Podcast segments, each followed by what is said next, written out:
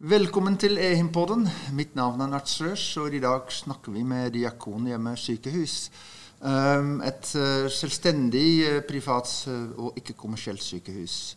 Vi snakker med Anders Moen fra Fjord. Han er administrerende direktør og har jobbet der over ti år med ulike roller. Han har også jobbet i Akers universitetssykehus, Rikshospitalet og på Ullevål sykehus. Vi snakker med Nina Østerås. Hun er fysioterapeut og er forsker. Har jobbet der siden 2008 i Diakonhjemmet sykehus. Og så snakker vi med Tord Kjesbu, som er intensivsykepleier og avdelingsleder i akuttmottaket. Han har jobbet hele 18 år på Diakonhjemmet. Vi skulle også snakke med Holly Anskjell, som er rådgiver for e-helse på Diakonien sykehus. Men hun er hjemme med et sykt barn. For sånn er det i disse tider med korona at hvis noen begynner å hoste, så må vi holde oss hjemme. Anders, uh, fortell litt om Diakonhjemmet sykehus, sånn at uh, vi vet hva dere egentlig er. Ja, du sa det jo. Et selvstendig, ikke-kommersielt sykehus. Jeg vil også si at det er et ideelt sykehus. Eh, en del av ideell sektor. Vi er et lokalsykehus eh, i Oslo for eh, Oslos tre vestlige bydeler, altså Ullern, Vestre Aker og Frogner bydel. Ca. 150 000 innbyggere, som da har Diakonhjemmet sykehus som sitt lokalsykehus. Mm. Så selv om vi da ikke er et helseforetak, så har vi akkurat det samme ansvaret som et annet helseforetak, om det er Vestre Viken eller OS eller Sykehuset Østfold. Mm. Og, og, vi får da alle pengene våre fra det offentlige. Ja. men vi er da organisert som et aksjeselskap. Det betyr at vi faktisk kan gå konkurs. Og, det gjør at vi må husholdere enda litt mer med penga. Mm. Så, så vi, vi, vi, er, da 1600 ansatte. Eh, så i, i sånn helseforetaksmålstokk så er vi ikke spesielt store. Eh, men det vi gjør, det gjør vi mye av. Det er spesielt knyttet til eh, akuttmottak, indremedisin, kirurgi, akuttkirurgi, revmatologi og psykisk helse og rus eh, for da innbyggerne i disse vestlige bydelene. Da. Ja, og så er det ca. 2 milliarder i omsetning per år. 2,2 milliarder i omsetning, ja. ja. Så selv om det er et lite sykehus, er det, er det ganske alt, store enheter. Alt er relativt. Mm. Og, og, det vi skal snakke om litt i dag, er da særlig den, den teknologiendringen, den, den revolusjonen vi er inne i, og hvordan man kan uh, håndtere det som da selvstendig uh, sykehus. Uh, innovasjon, er, er det viktig for dere? Ja, altså det å være da diakoner med sykehus, eh, så må vi være bevisste på eh, alle våre styrker og, og forsterke dem. Og det, det, å være opptatt av å gjøre ting på en ny måte i henhold til den strategien som vi setter, er kjempeviktig. Og, og innovasjon er, i hvert fall hos oss, er det nytt. Det eh, skal være nyttig, og det skal være nyttiggjort. Og, og det å finne ut nye ting som skal være nyttig for oss, og ikke minst for pasientene, ikke minst faktisk sette det i gang, det mener jeg at det er en styrke som Diakoner med sykehus har. Og Derfor så jobber vi mye med innovasjon. Eh, og jobber for å få det til å bli enda mer utbredt på sykehus hos oss. Og til glede for andre utenfor også. Kan du gi noen eksempler på, på type innovasjon dere jobber med? Ja, Du får to eksempler etterpå. Eh, jeg har jo med meg to glimrende medarbeidere som har fått lov til å, eh, å videreutvikle sine prosjekter. Eh, men vi har jeg kan nevne et annet innenfor psykiatrien. Eh, vi kaller for eh, startdoseprosjekt. Vi vet at legemidler påvirker oss, enten vi vil eller ikke. Og det er ikke bare felleskatalogen, altså alder, kjønn og vekt, som påvirker hvordan legemidlene virker på kroppen. Det er også genene våre. Og innenfor psykiatrien så er det, det er ikke bare en blodprøve som kan avgjøre om det virker eller ikke. Eh, det er også genene våre. Og der har vi gjennom vår Senter for psykofarmakologi utviklet en, eh, også da en, en hjemmeside med forskningsmateriale som skal hjelpe oss og da andre eh, til å gi riktig dose tilpasset mm. den pasienten som skal få da en, en, dose. Sånn at vi er sikre på, eller i hvert fall i mest mulig grad kan være trygge på at de legemidlene vi gir, faktisk virker. Det har også kommet av noen gode ideer, og, og brukt den kompetansen vi har internt, til å nå starte med noe som kan bli utrolig spennende. Altså. Og nå har vi fått en del midler uh, utenfra, men vi har startet med disse såkornmidlene internt. For det er ikke sant, du må få den oppstarten. Eh, og må få den eh, driven. Du må få eh, kjenne på at eh, det er ønsket, da, eh, disse ideene du kommer med. Mm. Og så nå begynner de, den ballen å rulle. Så det er bare ett eksempel på innovasjonsprosjekter hos oss. Og da tenker du at du som eget selvstendig sykehus lettere kan ta sånne, igangsette sånne prosesser? Nei, jeg skal ikke forbeholde meg retten å si at fordi vi er selvstendige, så kan vi gjøre det lettere. Men det har nok noe med størrelsen å gjøre. Eh, at eh, vi kjenner hverandre. Eh, vi vet hverandre, hvem hverandre er. Og det er nok lettere å gjennomføre ting når det er kortere vei fra idé til beslutning. Og ikke minst til at det blir etablert som fast prosedyre da, på vårt sykehus. Nettopp fordi at vi, vi er litt mer oversiktlige og, og, litt mindre, da, sånn sett. Mm. Jeg tenker Vi kommer tilbake til å se mer på, på akkurat de, de, tingene, og hvor man kan drive innovasjon. Men hvis vi går litt til de prosjektene, for du har da med deg eh, Nina eh, Østerås, som, eh, som, er fysioterapeut og forsker. Og du har et prosjekt som heter Tango. Og det hørtes veldig, veldig svingende ut. Og, hva er det dere gjør innenfor det prosjektet? Ja, det har ikke så mye med dansen tango å gjøre, men vi syns det var et veldig fint navn. Og nå har det blitt veldig godt innarbeidet navn. Men det handler egentlig om å kunne følge pasienter tettere og mer fleksibelt også når de ikke er på sykehuset. Mm -hmm. Det oppsto eh, på um, blant klinikerne på revmatologisk avdeling hos oss, som, eh, som, hadde et ønske om at pasientene kunne svare på, på spørsmål hjemmefra. Mm -hmm. Og få det da tilsendt inn til sykehuset. At de behandlerne kunne få nytte av de opplysningene i forbindelse med konsultasjoner. For vi, vi, jobber jo på revmatologisk avdeling med en gruppe pasienter som har en kronisk, alvorlig sykdom som krever langvarig og, og tett oppfølging. Mm. Gjerne livslang eh, oppfølging. Og da kommer de til oss med ganske faste tidsintervaller. Eh, det kan være litt hyppigere i starten, kanskje eh, hver tredje måned. Og så øker intervallene etter hvert som, som medisinene fungerer og de blir bedre. Så kanskje de kommer hver sjette måned. Og for enkelte kan det være årlig. Eh, men det er ganske um, faste, disse intervallene. Så er det jo sånn at for mange av disse så, så varierer sykdomsaktiviteten. Altså sykdom, Medisinen i dag har blitt veldig gode, så de kan ha, bli ganske bra og leve ganske normale liv. Men innimellom så blusser sykdommen opp. Mm. Og det er jo absolutt ikke gitt at den blusser opp akkurat når det har gått tre måneder eller seks måneder når de skal inn på konsultasjon. Så vi tenkte at det kunne vært fint å ha en litt mer fleksibel oppfølging som gjør at pasientene får time hos oss når de trenger det mest. Mm. Og så er det, er det også sånn i dag at de blir bedt om å komme 20 minutter før timen for å sitte og svare på spørsmål om sin helse og sykdom før konsultasjon. Eller det var sånn før. Og så fant vi ut at dette må det jo kunne gjøres enklere med at de kan svare hjemmefra eller på vei til konsultasjonen. Mm. Så hadde klinikerne hos oss hørt om at det var kommet en løsning eh, som muliggjorde dette. Så hadde vi lyst til å få satt det i gang. Og da, da var vi så heldige at vi fikk jo støtte fra, fra ledelsen, eh, helt opp til direktøren, støttet dette. Og vår lokale IKT-avdeling og vår eksterne IKT-leverandør, alle syntes at dette var en veldig god idé, og dette ville vi få til. Ja. Og når startet dere med dette? Vi startet uh, for tre, tre, år siden med det. Tre år siden. Mm. Mm. Og det høres kanskje rart ut å si at uh, dette høres ut som det skulle være enkleste sak å gjøre, men det er ikke bare bare å åpne brannmuren på et sykehus. Nei. det er mange andre sykehus som, eller andre revmatologiske avdelinger som prøvde noe lignende, og, og som har stanget litt imot da, at ikke de får lov å åpne brannmuren til å sende data inn på sykehuset? Ja, for brannmuren er beskyttelsessystemet for, for, IT på et sykehus eller en annen virksomhet. Og, og, fordi dere har jo veldig følsom og kritisk informasjon, er den veldig sterk, og det er vanskelig å kommunisere med folk utenfra inn og, og vice versa. Mm.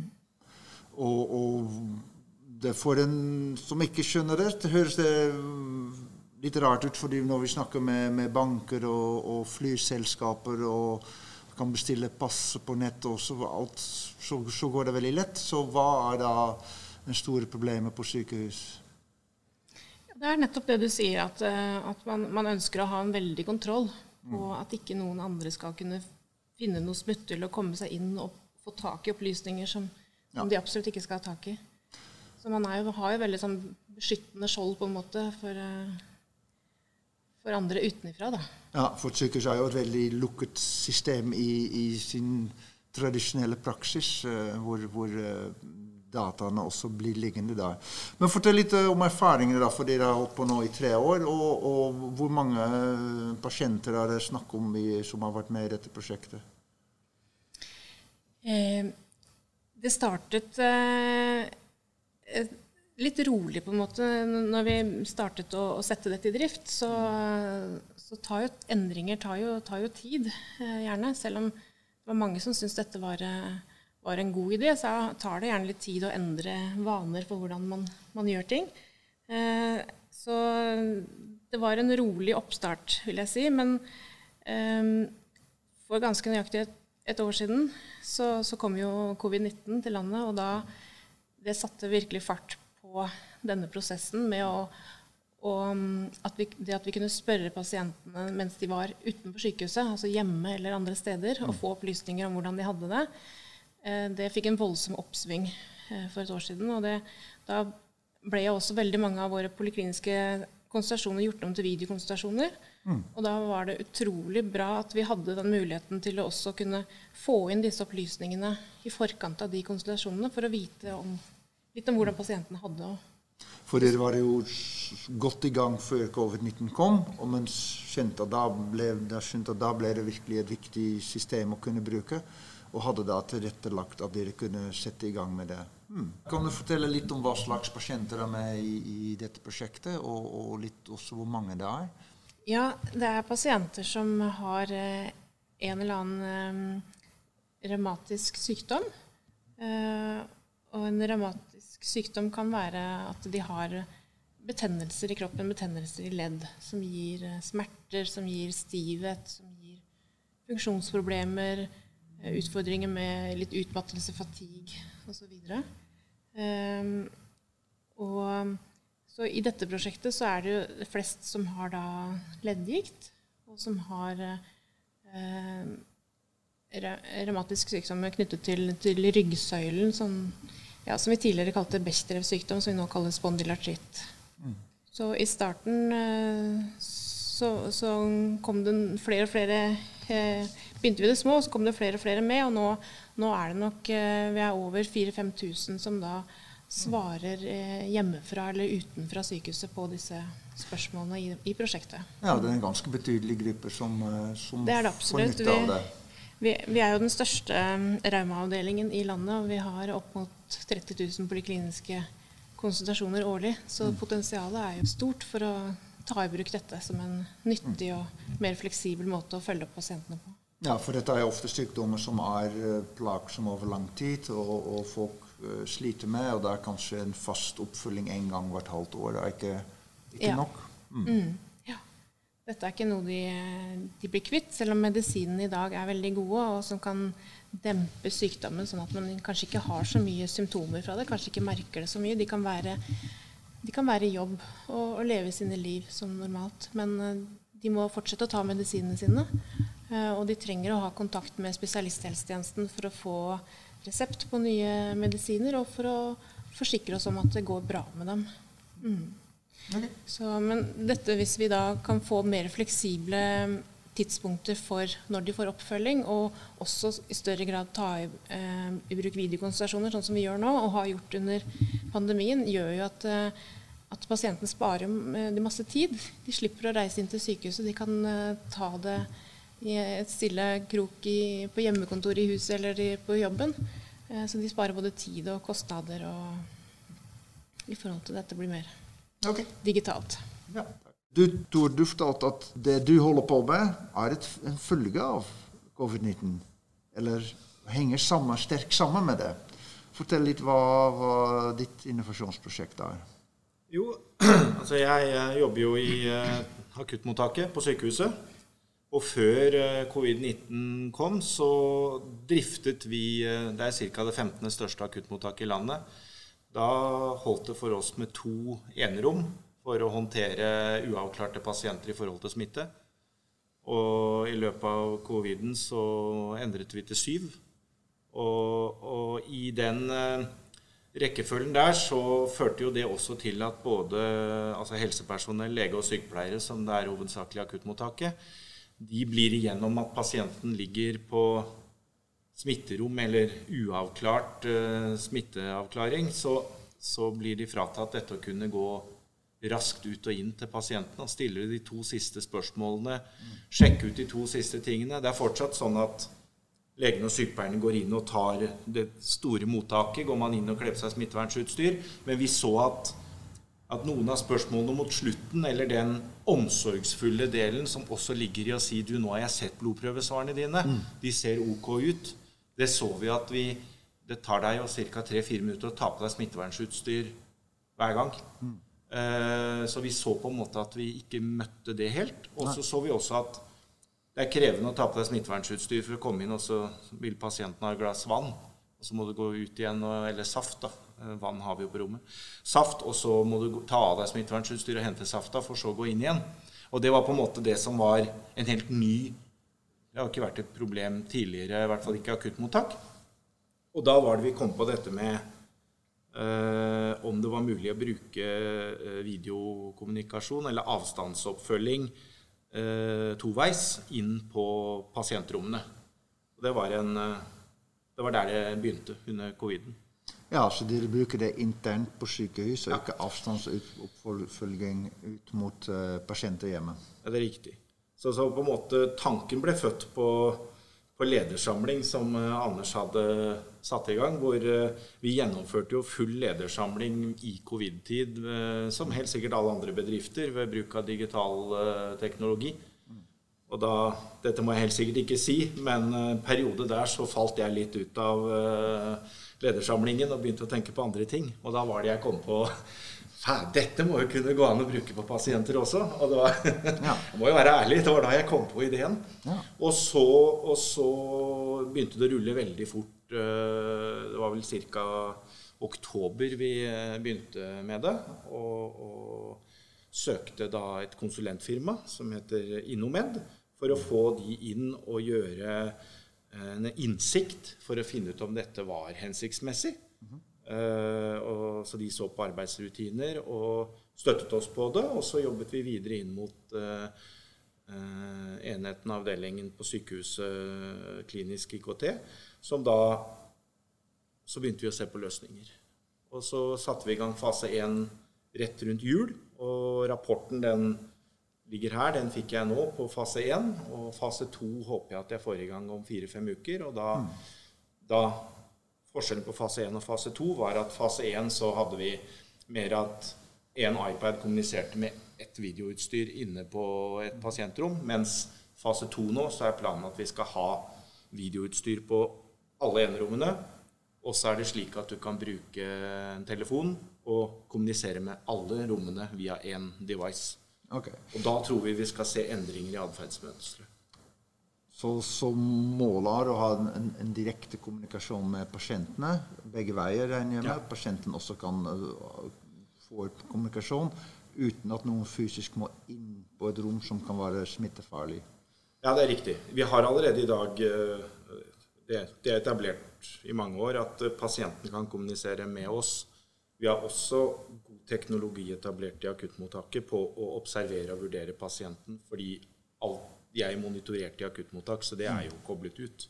Men det er denne toveiskommunikasjonen. Hvis du står på ett rom og ser pasienten på rommet ved siden av, da kan du observere at du mm. f.eks. ser en hjerterytme som ikke ser helt uh, bra ut. Så, så, kan du da ringe opp fra rommet ved siden av og spørre hei, hvordan går det med deg. Ja. Så får du på en måte med en gang fulgt opp pasienten tettere. Ja. Du slipper da den brannmurproblematikken som eh, Nina sliter med? Ja, altså det var jo det som var litt eh, holdt på å si litt gøy. da, Det var jo at vi her kom på at eh, det finnes sånn eh, wifi-system. da, Sånn at vi kan sende informasjonen uten å trekke en eneste kabel. Eh, for det er etablert godt på sykehuset. Og det gjorde jo at det var ved at også var leverandør som hadde et kvalitetssikret utstyr i Norge som var på en måte godkjent, så var det egentlig Det var ganske lett, egentlig. Men hadde jeg skulle trukket ledninger, så hadde jeg nok holdt på fortsatt og prøvd å trekke de. Så det er viktig å ha en bra infrastruktur. i Ja, det er det. Og det, det, og det er den åpningen ved at vi på et eller annet tidspunkt la Vi har en god infrastruktur på altså, trådløst eh, nettverk, for å si det sånn. Det åpnet for å kunne gjøre dette veldig raskt. Eh, Anders, er det, uh, dette er jo veldig fine eksempler som eh, vi får se litt mer på etterpå. Men er, er dette her som dere ønsker å jobbe? Er dette her sånne typer prosjekter dere ønsker å, å drive frem måte å jobbe på på sykehuset? Ja, absolutt. Fordi altså det blir litt som det gamle spørrespillet, underholdningsprogrammet på TV-en Jeopardy. Ikke sant? Eh, svaret er, men hva er egentlig problemet? Og, og svaret er ikke sant? Det, det finnes utrolig mye IKT-løsninger og apper, og det er ikke måte på. ikke sant? Og dere fra Ehin eh, prøver jo å få folk til å se hva som finnes, f.eks. Eh, men det er ikke bare å sette i gang. Eh, fordi at du må først definere hva du ønsker å løse. Og nå har du hørt to eksempler på Man har startet med eh, noe man ønsker å løse. Eh, og det som er likt her, er også at det tar utgangspunkt i pasientens behov. Og Nina snakker om at vi skal følge opp pasienten ut fra når den best når den virkelig trenger det, ikke fordi det er gått tre eller seks måneder. Eh, Og Tord snakker om å følge opp pasienten når den ligger inne på, eh, på rommet for at eh, de ansatte skal slippe å måtte ta på og av seg eh, utstyr og bruke ekstra tid. Eh, og skape den unødvendige eh, angsten eller usikkerheten hos pasienten. Så kan man med en gang de ser noe, sjekke det ut. Eh, og da er det jo ett ord dette dreier seg om, og det er trygghet. Å skape trygghet hos eh, pasienten og innbyggeren for at de blir ivaretatt når de trenger det. Og, og da er det nettopp at disse to eksemplene er da veldig gode eksempler på at eh, behovene har oppstått innenfra. Eh, og så har man sett etter løsninger. Og så er det ikke vært sånn at det bare er å gå i en hylle og finne det, dette produktet. Eh, og det også tror jeg er veldig viktig å ta med seg at eh, man snakker om at ja, det må jo bare finnes hyllevare. Nei, det gjør ikke det. For at eh, eh, det er så utrolig mange andre ting det skal passe sammen med. Og så kommer da denne GDPR-en, og så kommer denne, dette personvernet og infrastruktur osv. osv. som fort kan slå beina under ting. da. Ja. Eh, men her har det utviklet seg parallelt, og det er akkurat sånn jeg ønsker at det skal være. Så bra. Nina, kan du fortelle litt om erfaringene dere har gjort, både før covid og, og etter? Hva, hva, hvordan reagerer både pasienter og, og klinikere som jobber med dette her? Pasientene syns jo dette er kjempefint. Eh, De kan jo nå svare når det passer dem i, i ro og mak hjemme f.eks. Eller de, de slipper liksom å møte opp på sykehuset i god tid før konsultasjonen for å eventuelt stå i kø for å få besvare på, en, på et nettbrett eller en, en laptop. Så de eh, pasientene er kjempefornøyd. Vi var jo litt spente om, om dette med sikkerhetsnivå, for vi måtte ha innlogg med, med bank-ID eh, for å ha det høyeste sikkerhetsnivået. Eh, om det ville bli en utfordring, men det har det ikke blitt. Det er, det er veldig mange som, eh, som har bank-ID, og bank-ID, har de bank-ID på mobilen, så er det veldig enkelt for dem når de får en SMS. Bare trykker på den eh, lenken i SMS-en, og så kommer de rett inn til den nettsiden og logger seg inn med bank-ID og, og besvarer. Og behandlerne er selvfølgelig fornøyde, for da får de de opplysningene i forkant av konsultasjonen og kan forberede seg litt på, på den konsultasjonen de skal ha med pasienten. Og det er som, som Anders direktør sier her, at vi ønsker på sikt at dette skal eh, kunne brukes til å gi, være mer fleksibel i når vi følger opp pasienten. At vi kan eh, hjelpe dem med å, gi dem time når de trenger det, og så kan vi da frigjøre tid til andre som kanskje trenger det mer, altså mer fleksibelt. Så det handler både om å, å gi dem pasientens helsetjeneste, altså hjelp når de trenger det, og, og prioritere ressurser til de som, som trenger helsehjelp mest. Så, så selve opplæring til pasientene har ikke vært noe problem? Nei, de har ikke trengt noe opplæring i det hele tatt. Når de trykker på den lenken, så kommer de til en, til en eh, nettside, og, og der, der står det litt informasjon om, om hvorfor de har fått eh, Hvorfor vi spør om dette, og hva det skal brukes til. Og så har vi også, for å få en form for samtykke for normen for, eh, for dette med datasikkerhet og, og opplysning eller bruk av personopplysninger, krever jo egentlig et samtykke. Men vi snakket med jurister i E-helsedirektoratet og var enige om at hvis det står tydelig på forsiden her at ved å trykke, logge deg inn med bank-ID, så indirekte samtykker du Okay. i at disse opplysningene kan brukes av helsepersonell på sykehuset. Ja, for det er en del sånne juridiske eh, ting som dukker opp når man begynner å endre på infrastruktur, eh, særlig med, med, med digitale ting. Ehm, og og, og for, for klinikere eller leger, sykepleiere, hva, hva, er, er deres uh, fordel med det? Fordi, man kan også tenke at det, det er veldig fint å ha liksom, den pasienten innen hvert sjette måned, for da har jeg bra kontroll, og nå kan det være veldig annen type arbeidshverdag, eller? Ja, vi, vi nærmer oss, eller vi tenker i hvert fall at i, i framtiden så blir jo det, disse tidsintervallene mindre og mindre brukt, at det blir mer fleksibelt. Og, og det vi ønsker oss, vi er ikke helt der ennå, men er jo et system hvor, hvor vi kan sende regelmessige At pasienten regelmessig rapporterer sin helse og sykdom, og at vi bruker de svarene til å vurdere og tidfeste når de trenger å komme inn til oss. Eh, Men det eh, krever jo at vi har en eh, utstyr eller software som, som kan sortere disse besvarelsene og eh, på en måte triasjere hvilke er det som, som trenger å komme inn, og hvilke kan, kan vente til, til senere. Ja, for det er selvsagt en, en, en, risikofaktor i det. At når man legger ut uh, den, den triasjen, den oppfølgingen av pasienten, vurderingen Ja. av hvordan pasienten har det, og legger det, det ansvaret over på pasienten selv, hvordan man fyller ut uh, skjema. Er det skjemaet man skal fylle ut, eller er det også målinger man har? Eh, I første omgang så er det mest eh, pasientrapporterte spørsmål, altså som skjemaer, som du sier, som man fyller ut.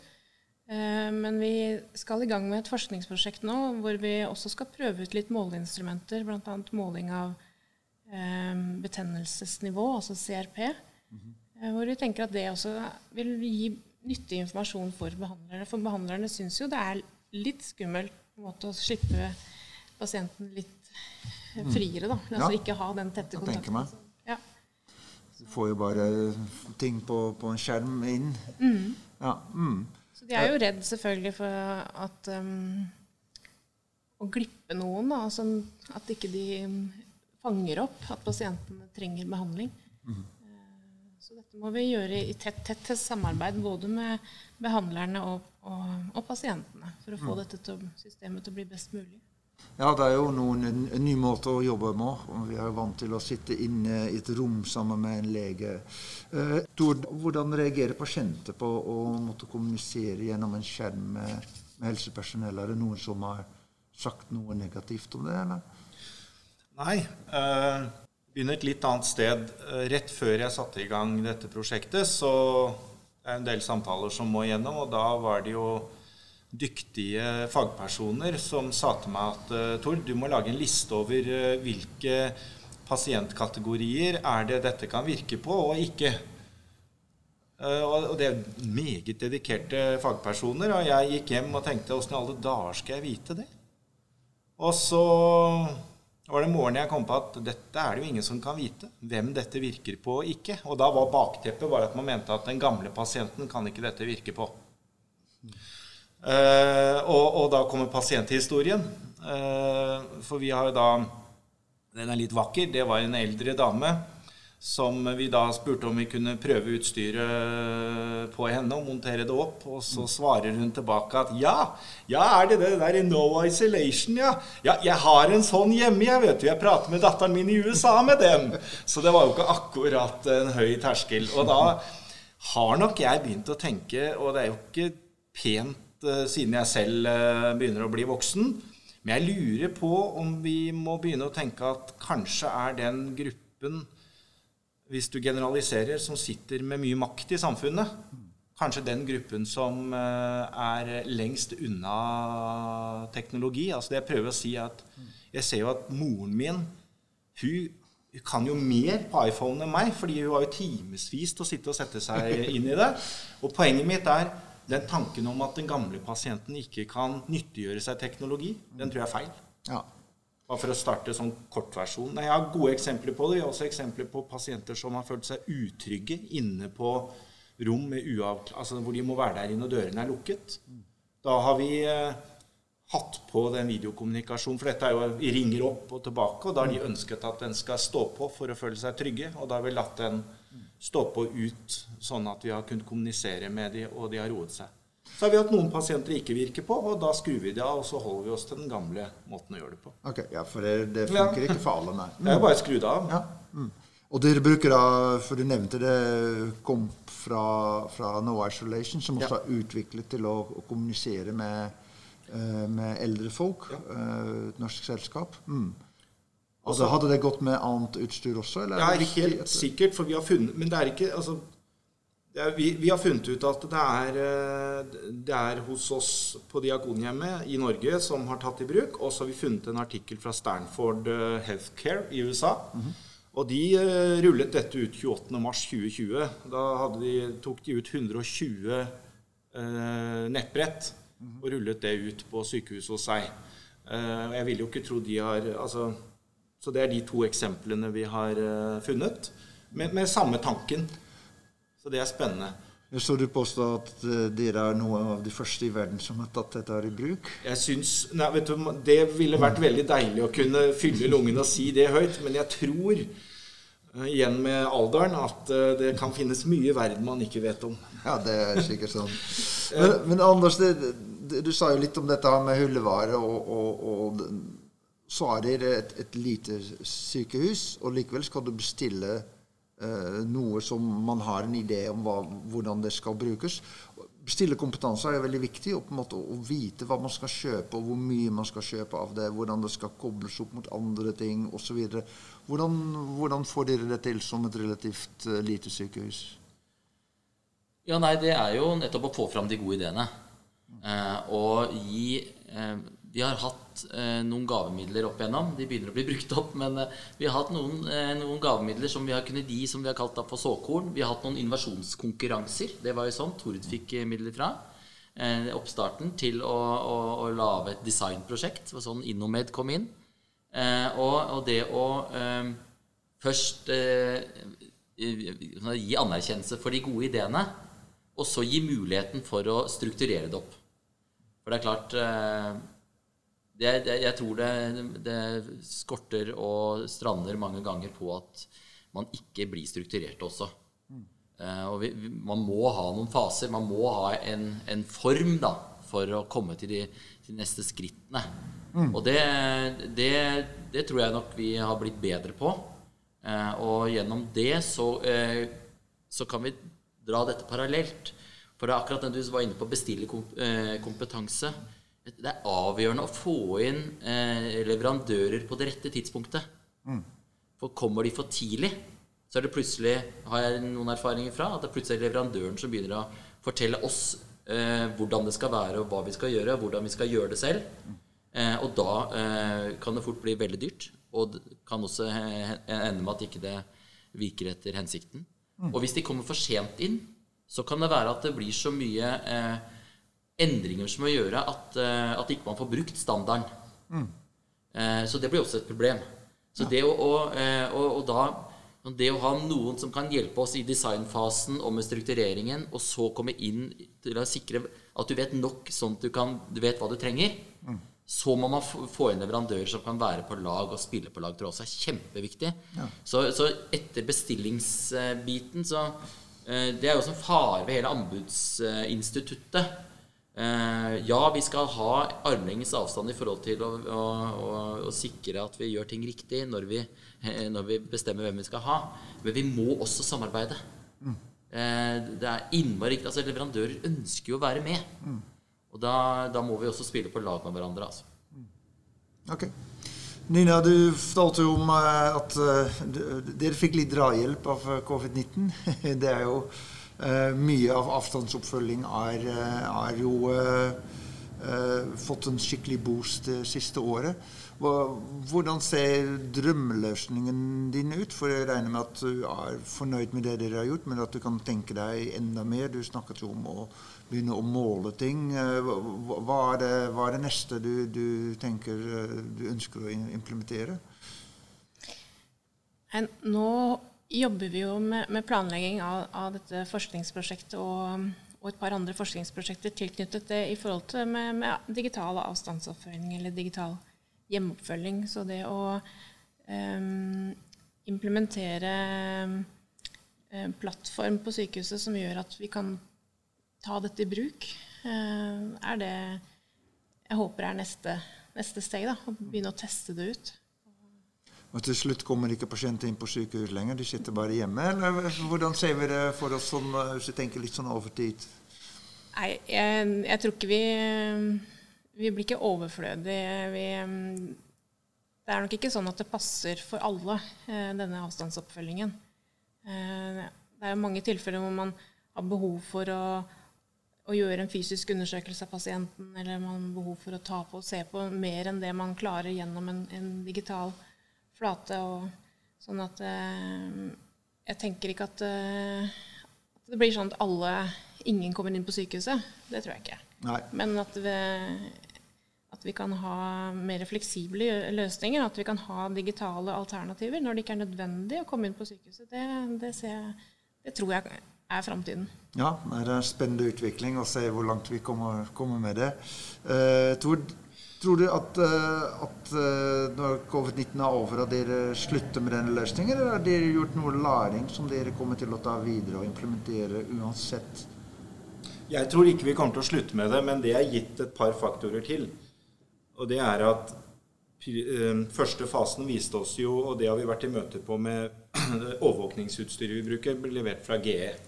Og da har vi vært i møte med de og fortalt at vi har behov for å kunne skru av alarmene fra ett pasientrom på en annen pasient på et annet pasientrom når vi har kommunisert med dem via, via avstandsoppfølging eller videokommunikasjon, det kan vi ikke i dag. For det har aldri vært et behov, fordi du har jo alltid stått inne hos pasienten og observert og vurdert den. Mm. Så når du får på plass den For du må da gå inn fysisk ja, i det rommet? Fysisk inn i rommet, eller ja sentraler sentralt. Men det å kunne gjøre det fra ett pasientrom til et annet pasientrom, det har på en måte aldri vært etterspurt. Nei. Vi kan i dag, og vi har kunnet i 10-15 år, skru av alarmen i to minutter. Mm. Men den funksjonen å kunne skru av alt, den er ikke der. Nei. Så da vi, har vi vært i møte med han heter Larry fra USA, en utrolig artig fyr. Han var i møte med for en måned og halvannen siden hvor vi sa at dette må dere utvikle. Mm. Så han har invitert meg til Finland for å se på laben der borte. Og det tror jeg hadde vært utrolig eh, fint å få se. Det er det ene grepet. Det andre det er ringesystemet. Altså det systemet hvor pasientene kan ringe på. Det er også i dag konstruert på den måten at du må gå helt til rommet og trykke på knappen. Men det er jo fordi historisk så skal du jo gå til pasienten og observere og vurdere den. Så har vi akkurat noen grunn til noe annet. Det trenger du også da, og det finnes, å få integrert det i en app. Og Når du fikk alle de tre tingene inn i én device, da tror jeg at du ville se at atferdsmønstrene, arbeidsmønstrene til de ansatte, de vil begynne å endre seg nesten av seg selv. Litt som når du innførte iPhone eller en mm. altså, Og da begynner vi å få til innovasjon, det øyeblikket hvor det blir så smart at de ansatte ser at dette er jo en kjempefin måte å jobbe.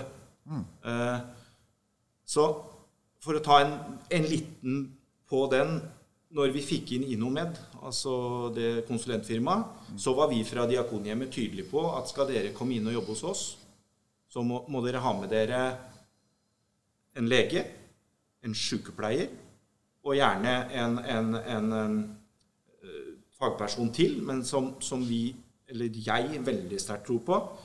Skal du få til innovasjon, f.eks. i akuttmottaket, så må du ha de to profesjonene som faktisk jobber der mest. Det er ikke bra å bare ha sykepleiere. De vet ikke godt nok jobben til legene, og ikke motsatt. Koble de to, og du kan få til utrolig mye innovasjon hvis du også har folk fra de profesjonene som ønsker nytenkning. da. Mm. Men jeg skjønner at du forteller at det du har jobbet med, da også spilles tilbake til store internasjonale selskaper. Ja. Og nå nordisk uh, har så, så, fra en liten avdeling i Norge kan man ha påvirke utviklingen også. Ja, Det er jo litt flaks akkurat det med Larry, men det var fordi vi våget å ta i bruk den nyeste teknologien som GE leverte eh, et år tidligere. Det å tørre å ta i bruk ny teknologi betyr jo, betyr jo, også at personalet ditt blir utsatt for en merbelastning i alle barnesykdommene. Eh, samtidig så er det jo sånn at da får du fokus. Så Larry var fysisk på Diakonhjemmet sykehus rett før det siste reisa han hadde før eh, verden ble stengt ned. Så var han på Diakonhjemmet, og jeg hadde han på omvisning og fortalte han om hva han måtte gjøre med utstyret som han hadde solgt, sånn at det virkelig ble topp. Det er det eneste han eh, tenker på, for det er ikke noe nytt som har tatt, tatt hodet hans. Ja, men Det er bra. Nei, men det, det, er godt å høre at man på en måte kan uh, få den, uh, gode, det gode samspillet mellom teknologileverandører og utviklere og de som jobber i, i, praksis. Hvis vi Utfordringer, eller vet ikke Dette vi var inne på brannmur Altså, vi er jo altså da fortsatt sånn i norsk helsevesen at vi ikke har klart å legge bort faksmaskinen.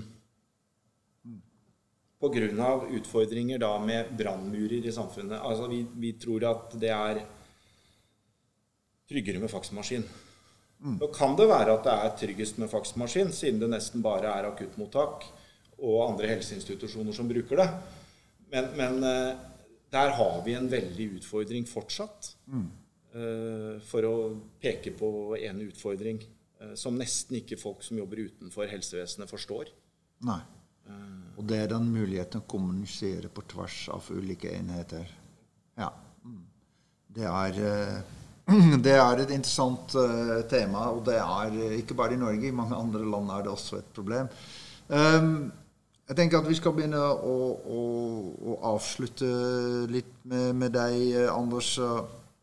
For det, det er også Dere er jo ikke et, et, et, et enestående sykehus. Selv om dere er det som organisasjon, så er dere en del av, av det norske, norske helsevesenet som, som skal levere helsetjenester til, til innbyggerne. Hvordan er samspillet da med de andre? For dere har gjort ganske bra og gode erfaringer med, med, innovasjon. Er det noe som dere kan dele lett med andre i Norge? Ja, altså Det er helt klart. Det står i hvert fall ikke på oss. eh, og vi, vi, er jo med på ulike Både vi snakker om disse tingene. Eh, Nina, du, du, har jo hatt, hatt et webinar om, eh, om, om, dette. Du har jo snakket om det mange steder. Du har hatt et eget forskningsprosjekt om eh, bruken av avstandsoppfølging, som også er i et eget webinar. Eh, så, så der finnes det jo mye informasjon. Vi har jo nettverk, og, og det å bruke nettverk, det er kjempeviktig. Mm. Og så skal vi være rause med hverandre. Ikke sant? Og det, og det er ikke det at det, Ja, vi kan være stolte av det vi får til, og så må vi ikke tro at andre ikke får til noe. Nei. Eh, det er faktisk eh, sånn at du, Man må heller ikke dra til USA for å bli inspirert til å gjøre nye ting. Man kan dra til Ullevål eller Lovisenberg eller dra til Tønsberg for den ja. saks skyld. Det, det, er utrolig mye bra som foregår rundt omkring. Og det skulle jeg nok tenkt og ønsket at eh, At det var noen flere eh, Altså var noen strukturer da som, som sikret at vi eh, vi visste mer om hva som fantes rundt omkring. Ja, At man det, hadde kanskje det du akkurat holder på med her, Nard, eh, eh, kan være, altså er et sånt arnested da, for nettopp å, å dele. Um, som sagt, det står ikke på oss. Men vi, vi, er, vi, er, nok ikke gode nok til å dele i Norge og være rause med hverandre og, og, skryte av hverandre. Jeg vet at det finnes utrolig mye bra også utenfor vårt sykehus, selv om jeg er kjempestolt av de ansatte som som bidrar hver dag i det daglige arbeidet med pasientene, men også med det innovative biten. Det å finne ut hvordan vi kan gjøre ting enda bedre ved bruk av teknologi og andre arbeidsprosesser. Da. Kort. Stort, ja. Fase to, som vi håper at vi får i gang nå i løpet av uh, kort tid, så er det et annet uh, stort akuttmottak som, som vi da tar med oss inn nå for å se om vi kan flytte over. Så den rapporten som jeg ligger her nå, den skal jeg ha et møte på og, og inkludere et annet akuttmottak for oss å få med det. Eh, det er et eksempel. Og, og, det andre prosjektet som vi holder på med, som heter Selvtriasj, der er vi i møte med legevakta i Oslo for for å utvikle det på den måten. Eh, og jeg tror veldig på at ja, en idé Det er nok sånn at du av og til må føde den litt alene, men ganske raskt så må du dele med andre. Fordi du må ha mer ressurser på plass, og, og du må også se en helhet. Altså, vi er jo en del av så, Hvor er vi igjen om 10-15 år? Hvor ligger et akuttmottak da? Ja. Begynner det allerede hjemme i stua? Det gjør det, tenker jeg. Men, uh, og du Nina, har du hatt, fått uh, tilbakemelding fra andre deler av Norge og andre sykehus på, på, det du holder på med? Ja, absolutt. Uh, vi har hatt kontakt med flere andre revmatologiske avdelinger. Og, for det er flere som har lyst til å, å, komme i gang med det samme. Og noen har kommet så smått i gang nå.